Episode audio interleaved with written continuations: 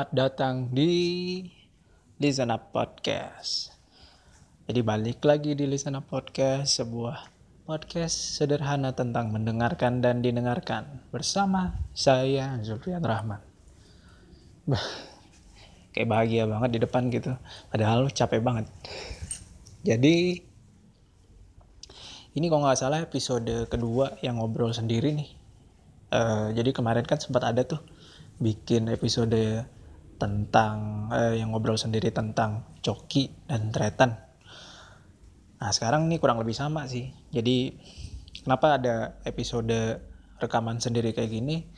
Sebenarnya selain melatih diri untuk berbicara lebih santai, lebih apa ngalir, pengen ini sih, pengen kan biasanya tuh kalau bisa kalau podcast yang uh, satu orang gitu yang one man portrait gitu. Itu tuh kan biasanya mengomentari hal-hal yang terjadi di luar sana gitu yang banyak sih yang kayak misalnya kayak, kayak contoh gampangnya kayak YouTube reaction gitu. Nah ini ya tidak lebih jauh uh, tidak lebih tidak tidak lain tidak sama aja sih modelnya. Cuman ini kan podcast jadi dia rekaman yang ngobrol gitu literally ngobrol kayak radio. Nah Oke, jadi itulah intinya sederhananya seperti itulah ya. Udah dapat gambarannya. Nah, sekarang nih yang mau diomongin apa ya? Oh iya, ini nih. Sebenarnya udah lama nih, dua-dua minggu kok nggak salah ya. Ini masuk minggu ketiga nih. Ini eh, sempat, teman-teman sempat ngeliat nggak sih? Tuh, jadi tiga minggu yang lalu tuh sempat ada yang tubir di Instagram antara Via Valen sama JRX ini Jarings SID Superman is Dead. Atau mereka tubir tuh. Ya pokoknya di uh, sorry. Jadi di sosmed ada dua deh ada dua platform. Jadi si J JRX ngomelnya di Twitter kemudian si Via Valen klarifikasinya di Instagram. Kayaknya masing-masing punya ya misalnya di J, uh, si JRX uh, fanbase-nya lebih besar di Twitter. Terus kemudian si Via Valen fanbase-nya besar di IG kan banyak banget orang yang follow IG-nya Via Valen gitu. Nah, jadi dua-duanya tuh kayak yang satu nyerang di Twitter eh terus kemudian dia klarifikasi sama Via Valen gitu deh tapi beda di Instagram. Nah, apa nih yang mereka ributin nih? Yang mereka tubirin tuh eh sebenarnya simple sih. 2010 kok nggak salah Via Valen tuh pernah ngecover lagu salah satu lagu Superman is Dead judulnya Sunset Tanah Anarki. Jadi lagu itu ku kan nge sempat ngetop tuh, sempat naik banget di 2010-an, 2010 lah, apa enggak 2000 sorry 2012 2013 kayaknya antara itu. Kalau ada teman-teman yang tahu uh, bolehlah dikoreksi gitu. Nah jadi di tahun itu uh, Via Valen juga waktu itu belum naik banget kan kan dia naik tuh baru-baru ini waktu lagu sayang itu 2017 kemudian uh, anthemnya untuk Asian Games jadi 2018 jadi meledak banget nama seorang uh, Via Valen terus ngangkat banget tuh blow upnya tuh baru sekarang gitu. Nah di tahun yang tadi tuh yang 2012 2013 itu si Via Valen masih jadi seorang penyanyi dangdut pantura gitu. Dangdut koplo ya kan kalau teman-teman tahu kan kalau koplo yang panturaan gitu dangdut pantura itu tuh pasti yang ada ada bidu wanita eh, bidu wanitanya tuh ada dua atau ada tiga.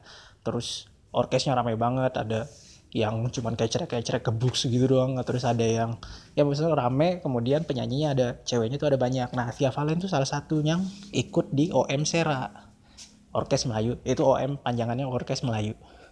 OM Sera tuh.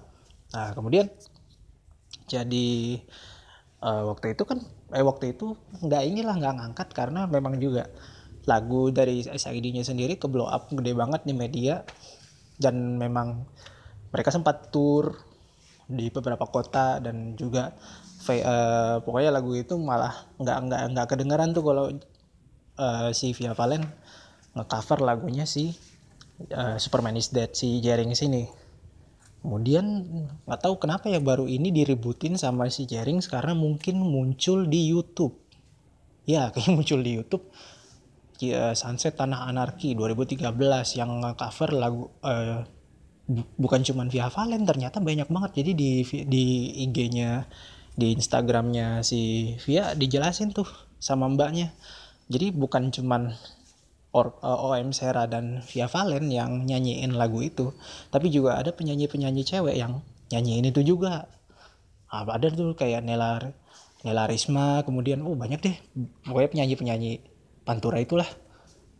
Ada ada banyak ada banyak videonya gitu di di di screenshot sama si Via terus di apa diceritain tuh di ada captionnya panjang banget di IG bisa dicek deh sama teman-teman. Kalau mau ngecek postingannya Via Valen tuh masih ada semoga belum di belum di take down ya tapi mudah-mudahan masih ada jadi masih bisa ngelihat nah terus yang menjadi masalah yang diributin sama Jerings itu adalah mungkin ya sedikit kesal karena itu melanggar hak cipta atau misalnya melanggar hak sebagai uh, melanggar hak berkaryanya dia kayaknya kayak kayaknya sih kayak gitu. Jadi si Jerings tuh sampai sampai marah banget.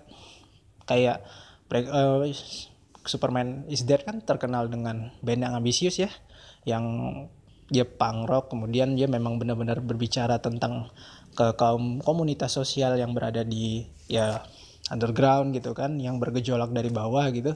Diceritakan lewat karya-karya mereka lewat musik-musik mereka dan memang ambisius gitu. Memang ada memang fantastis dan ambisius gitu. Jadi orang yang tahu bandnya SID seharusnya langsung bisa menangkap kalau oh ini ini band underground kemudian dengan gaya mereka yang urakan anarki kemudian yang uh, dengan banyak uh, deng ya kental dengan nuansa alkohol minuman keras uh, kepulan asap rokok dan lain-lain nah, pokoknya kayak gitulah ya ilustrasinya nah kayak gitu kan ya jelas kalau musik mereka juga keras tempo mereka cepat banyak teriakan di sana dan di sini banyak hal yang mereka kritik dari apa yang uh, kehidupan sosial gitu kan. Pemerintah juga dikritik pokoknya macam-macam lah dikritik gitu. Nah yang disesalkan oleh uh, ini JRX ini ya tadi gitu. Kenapa sampai ada penyanyi uh, dangdut koplo itu menurut Mas Jerings itu menurunkan level lagu dia gitu? Jadi misalnya nih uh, kita bikin ya misalnya saya bikin lagu nih dengan genre awalnya rock. Ah, lagu lah gitu kan genre awalnya rock gitu. Temponya keras eh musiknya keras temponya cepat gitu. Banyak melodi distorsi gitar di mana-mana. Kemudian ada seseorang atau ada orang di luar sana mungkin dia tuh merasa oh ini lagu keren banget nih. Saya juga pengen nyanyiin lagu kayak gini nah, terus dia membuat versi cover eh membuat cover versinya sendiri. Jadi kayak cover lagu saya yang tadi tuh yang genre-nya rock. Dengan gayanya sendiri mungkin dia nyanyiin pakai akustik doang atau pakai akapela atau lah. Pokoknya dia membawakan dengan genre yang folk yang lebih santai yang lebih merakyat tanda kutip. Quote and quote tadi terus nah, nah kalau misalnya yang um, seharusnya secara log, um, pas ngelihat kayak gitu tuh ya ada biasanya sih kalau misalnya normally ya bangga gitu kan karena uh ada juga orang yang tertarik dan menyanyikan lagu ini gitu. Seharu, uh, sewajarnya sih kayak gitu gitu. Tapi kadang-kadang kan kalau misalnya kita lagi ambisius ya dalam artian kita penyanyi atau seorang yang benar-benar berkarya lewat eh dari bawah banget dari nol gitu kita membangun karir kita dalam saat misalnya musik atau apa ya eh tadi lah desain grafis gitu. Nah itu kan itu kan kelihatan tuh ambisi kita kan. Karena kita dari nol terus kita naik terus tumbuh ambisi kita juga tumbuh ego kita juga tinggi gitu, juga naik gitu loh bertumbuh gitu. Seiring dengan karya kita yang makin bagus ego kita juga semakin naik kemudian ambisi kita juga semakin tinggi nih. Set up goalsnya makin naik terus gitu. Oh mau ini mau ini gitu. Dan mungkin selera juga makin naik Nah, di saat itulah kayaknya ada kondisi psikologis yang membuat kita, ih ini orang apa sih gitu. Yang tiba-tiba tadi ngecover lagu kita, terus kok, eh, apa nih kok dia nyanyiin lagu kita dengan gaya dia gitu. Udah dia so asik lagi mungkin kita dan lihatnya kan, gayanya so asik. Eh, dia malah lebih banyak dapat follower atau lebih banyak dapat viewer di YouTube gitu.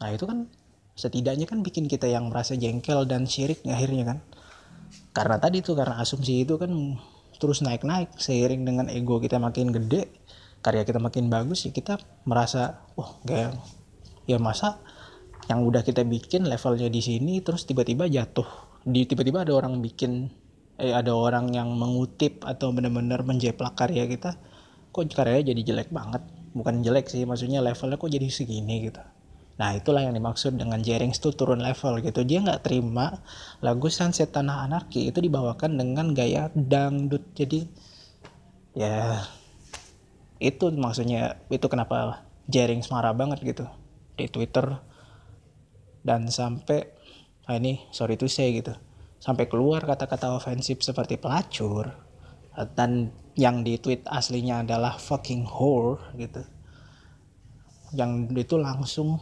ngatain si Via Valen. Dikira Via Valen nggak ada Twitter apa ya langsung di ya walaupun nggak ada Twitter ya langsung di capture gitu. Capture sama dia terus dia ceritain tuh di IG dan di IG pun Via Valen akhirnya ter, bukan terpaksa sih akhir meminta maaf kalau misalnya ada itu kesalahan dia. Terus dia juga menjelaskan kan namanya juga klarifikasi ya itu uh, menjelaskan sedetail-detailnya gitu jadi jadi suruh nyanyi manajemen minta dia nyanyiin lagu Sunset Tanah Anarki terus habis itu dengan dengan warna dangdut koplo gitu. Kemudian juga di kontrak manajemen tidak ada dia menjelaskan tidak ada sangkut paut dengan untuk menyebarkan lagu menyebarluaskan lagu ini gitu tanpa seizin dengan yang bikin lagunya which is itu memang langsung prefer balik lagi ke Superman is gitu nah entah kenapa jadi udah dijelasin panjang lebar kayak gitu. Ya seharusnya diterima lah ya gitu kan. Nggak tahu tuh kelanjutannya apa bener-bener di si Jeringsnya juga. Bukan minta maaf sih ataunya memaklumi atau kayak gimana. Dan kayaknya sih enggak sih karena memang kalau kita lihat personanya Jerings yang kita tahu gitu yang sejauh ini seorang uh, teman orang-orang yang dari Superman is Dead ya kayak tadi nakal binal ya kan? Terus ya penuh aksi habis itu ya keras. Dan kayaknya untuk sebuah permintaan mafia Valen ya mungkin cuma dianggap remeh-temeh gitu. Dia lebih merasa puas kalau mungkin uh, lagu-lagu atau video-video tentang sunset anarki, anarki yang ada di YouTube itu di take down mungkin semuanya. Mungkin dia puas kali tapi nggak tahu deh pokoknya gitu aduh ini kenapa jadi ngomongin orang sih? Ya, nah ini ini ini bridging aja sebenarnya untuk ke apa yang mau diomongin sebenarnya di episode kali ini. Jadi hari ini sebenarnya mau ngebahas tentang kalau misalnya ini kan kasus dalam berkarya ya. Bukan cuma musik tapi untuk semua karya yang ada di yang yang pernah dibuat oleh manusia gitu. Jadi itu akan jadi itu ini awalnya aja jadi itu akan tiba, akan ada masanya kalau karya kita yang kita buat nih di bukan dibajak, tapi apa ya, diceritakan oleh orang lain gitu. Hmm, ntar kalau mengambil contoh orang lain mana ya selain via Valen Jerings. Uh, oh ini nih, uh, The Man Who Sold the World, tau nggak? Lagunya si David Bowie, tapi dibawain sama Nirvana. Nah, jadi David Bowie kan penyanyi keren banget tuh di Inggris waktu itu. Nah, dia bikin lagu tuh The Man Who Sold The Man Who Sold the World. Yang na na na na na na na na na na na ah, tuh. And the man who sold the world lah yang itu itu dibawain di jadi di albumnya Nirvana yang nggak salah yang In Utero atau yang sebelumnya mungkin yang Bleach atau yang apa ya lupa. Pokoknya nanti teman-teman bolehlah dibantu. Nah di albumnya Nirvana dia mengcover lagunya David Bowie yang itu. Yang The Man, uh, The Man Who Sold the World itu. Dan somehow blow up tuh. Jadi lagu jadi semua orang mengira kalau lagu itu lagunya Nirvana bukan lagunya David Bowie gitu. Yang keduanya entah kenapa masing-masing kayak ya udah aja gitu. Si David Bowie-nya ya udah merasa mungkin berterima kasih lagunya jadi uh, major hit di Amerika.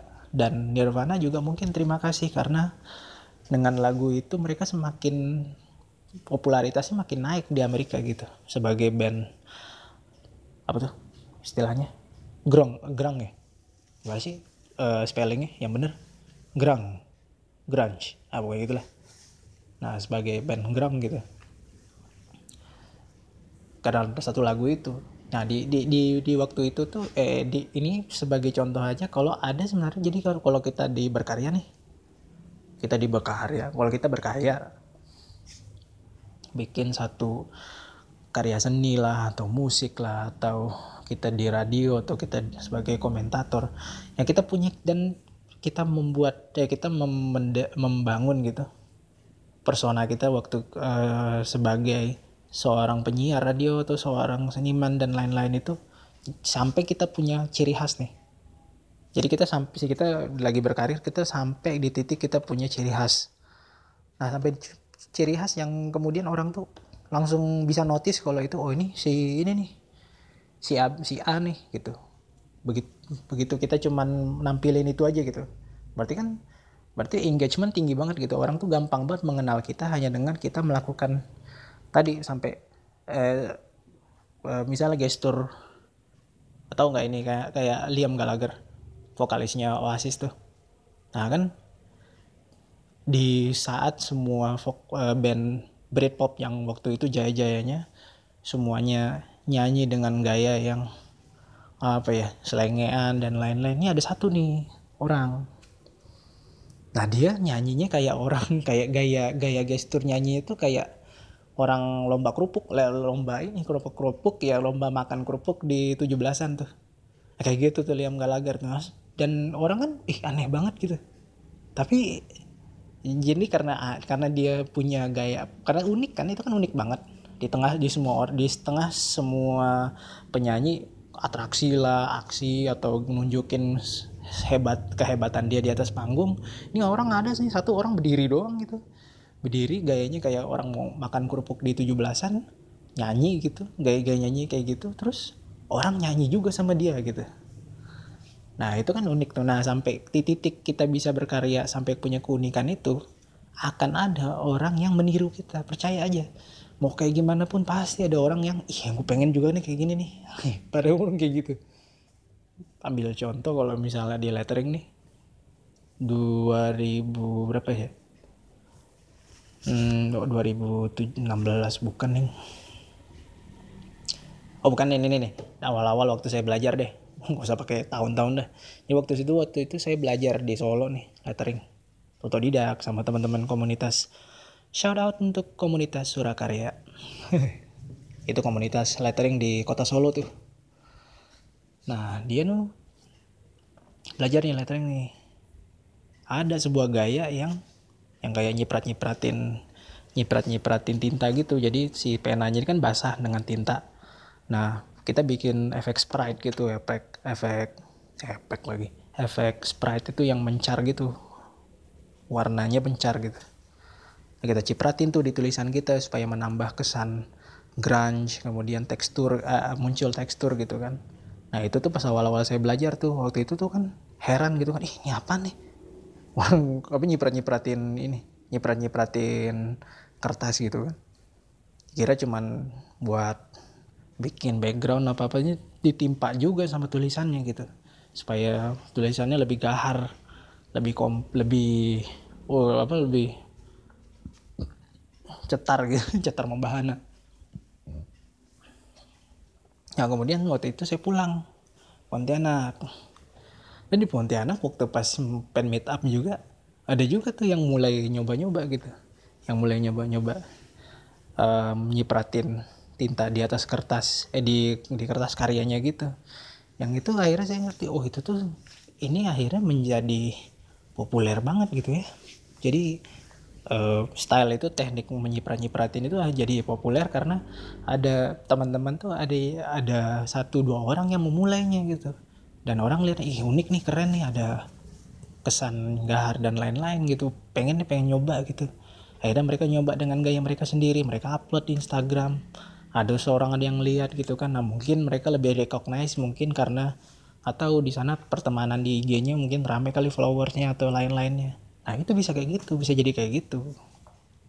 Dan ini juga yang mungkin terjadi di uh, di saat kita berkarya gitu. Waktu kita mungkin out of nowhere belum ada apa-apa orang nggak notice nih kan ya apaan sih? gitu.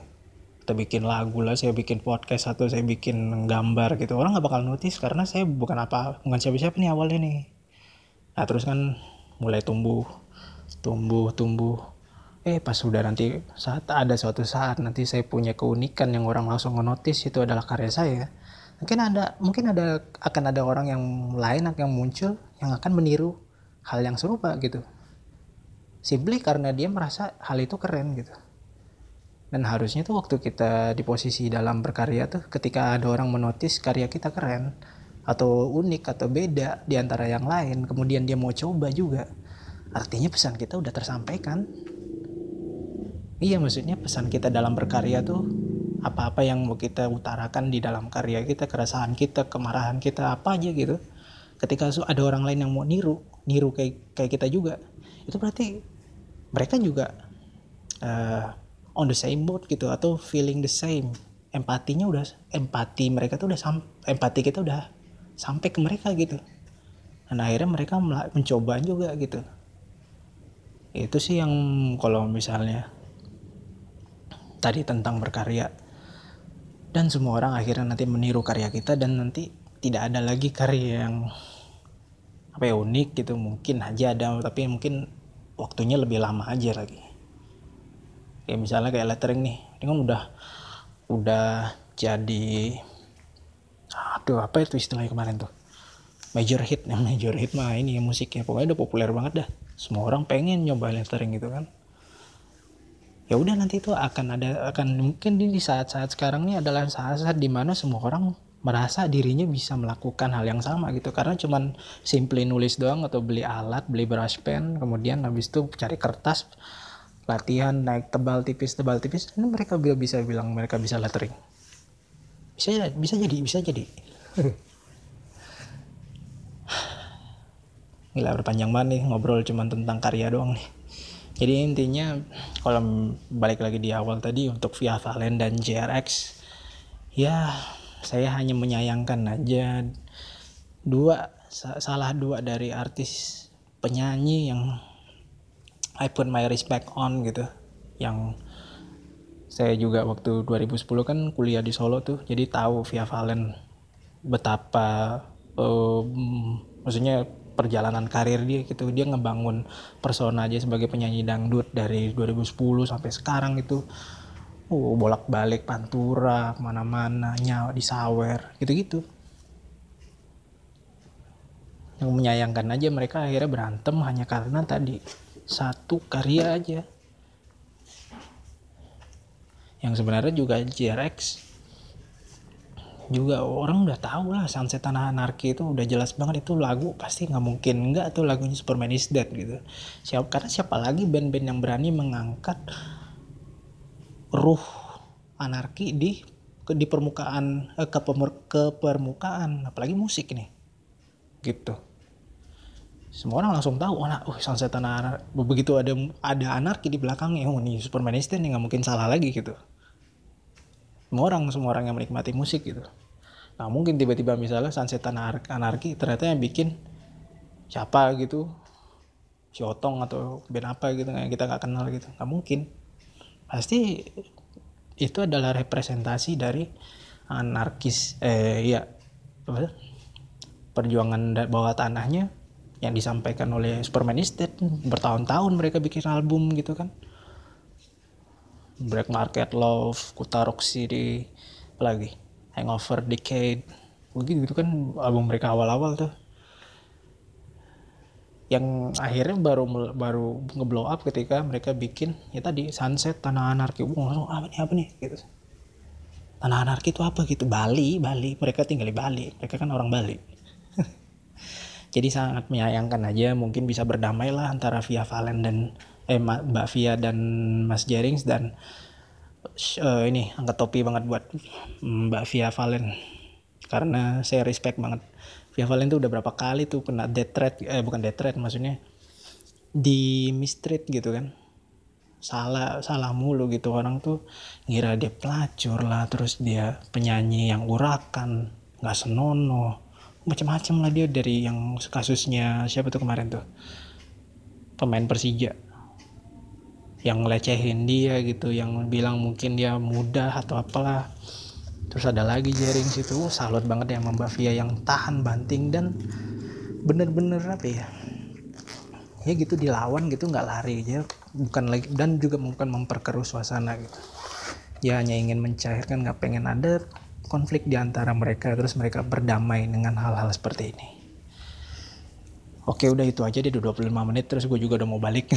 Udah mau balik aku saya sudah mau pulang saya sudah mau pulang ke rumah ini baru balik dari kantor tadi mau rekaman aja karena pas sepi orang juga udah pulang jadi tinggal saya sendiri pengen cabut jadi thank you yang udah dengerin uh, Listener Podcast hadir di Spotify, Google Podcast, Apple Podcast, dan platform podcast lainnya. Kalau di Apple Podcast, tolong dibantu rating untuk teman-temannya. Oke, gitu aja. Thank you. Mari mendengarkan untuk didengarkan. Bye.